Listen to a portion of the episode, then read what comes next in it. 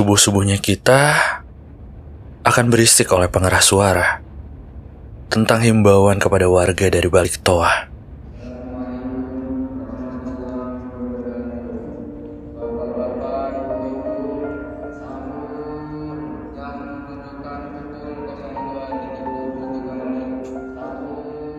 Ketika kita mendengarnya, banyak dari kita yang terkantuk-kantuk sambil berleha-leha. Beberapa di antaranya ada yang bangun lebih dulu. Dan kita termasuk ke dalam golongan yang beranjak tergesa-gesa menjelang imsak. Dengan mata yang belum sepenuhnya terbuka, mulut kita sibuk mencerna sepiring sajian di menit-menit yang tersisa. Ditutup dengan semboyan nawa itu bersama dengan segelas air. Sebelum mentari benar-benar terbit, ibu akan mengetuk pintu kamar untuk menyampaikan aspirasinya terkait betapa pentingnya sholat fajar.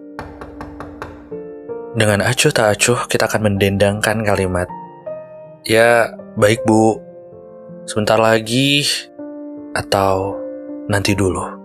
Semua itu merangkum kesan tentang betapa tengilnya kita yang malah menanggapi nasihatnya dengan bermalas-malasan. Di siang hari, untuk sebagian halayak, waktu akan terasa berkali-kali lipat lamanya. Cuaca akan terasa ribuan kali teriknya. Ketika yang lain menegur kita untuk lebih berakidah, kita malah bersilat lidah. Berlindung dari balik kalimat bahwa tidur adalah ibadah.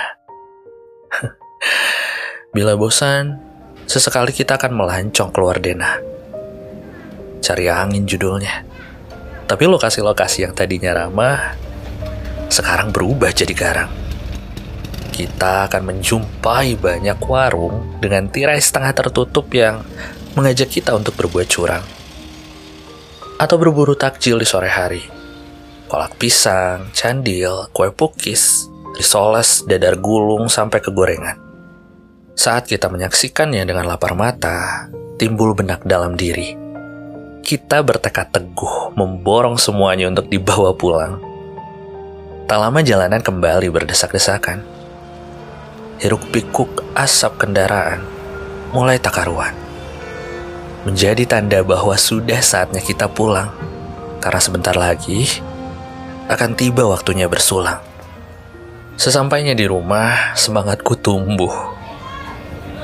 Nuansanya berubah jadi damai. Berkumpul bersama seanak saudara, bercengkrama. Meja sudah tertata rapi dengan segala aromanya. Di ruang televisi yang penuh dengan paniwara sirup juga kurma. Tak sabarnya kita menantikan lantunan yang bergema. Dan tanpa kita sadari, tiba-tiba saja.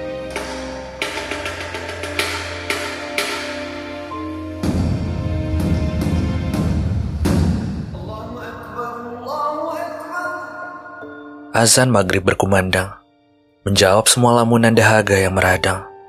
Perut yang sedari tadi menendang-nendang, dibayar tuntas dengan sebungkus nasi padang, keripik udang, dan secangkir wedang teruntuk kita para pendosa.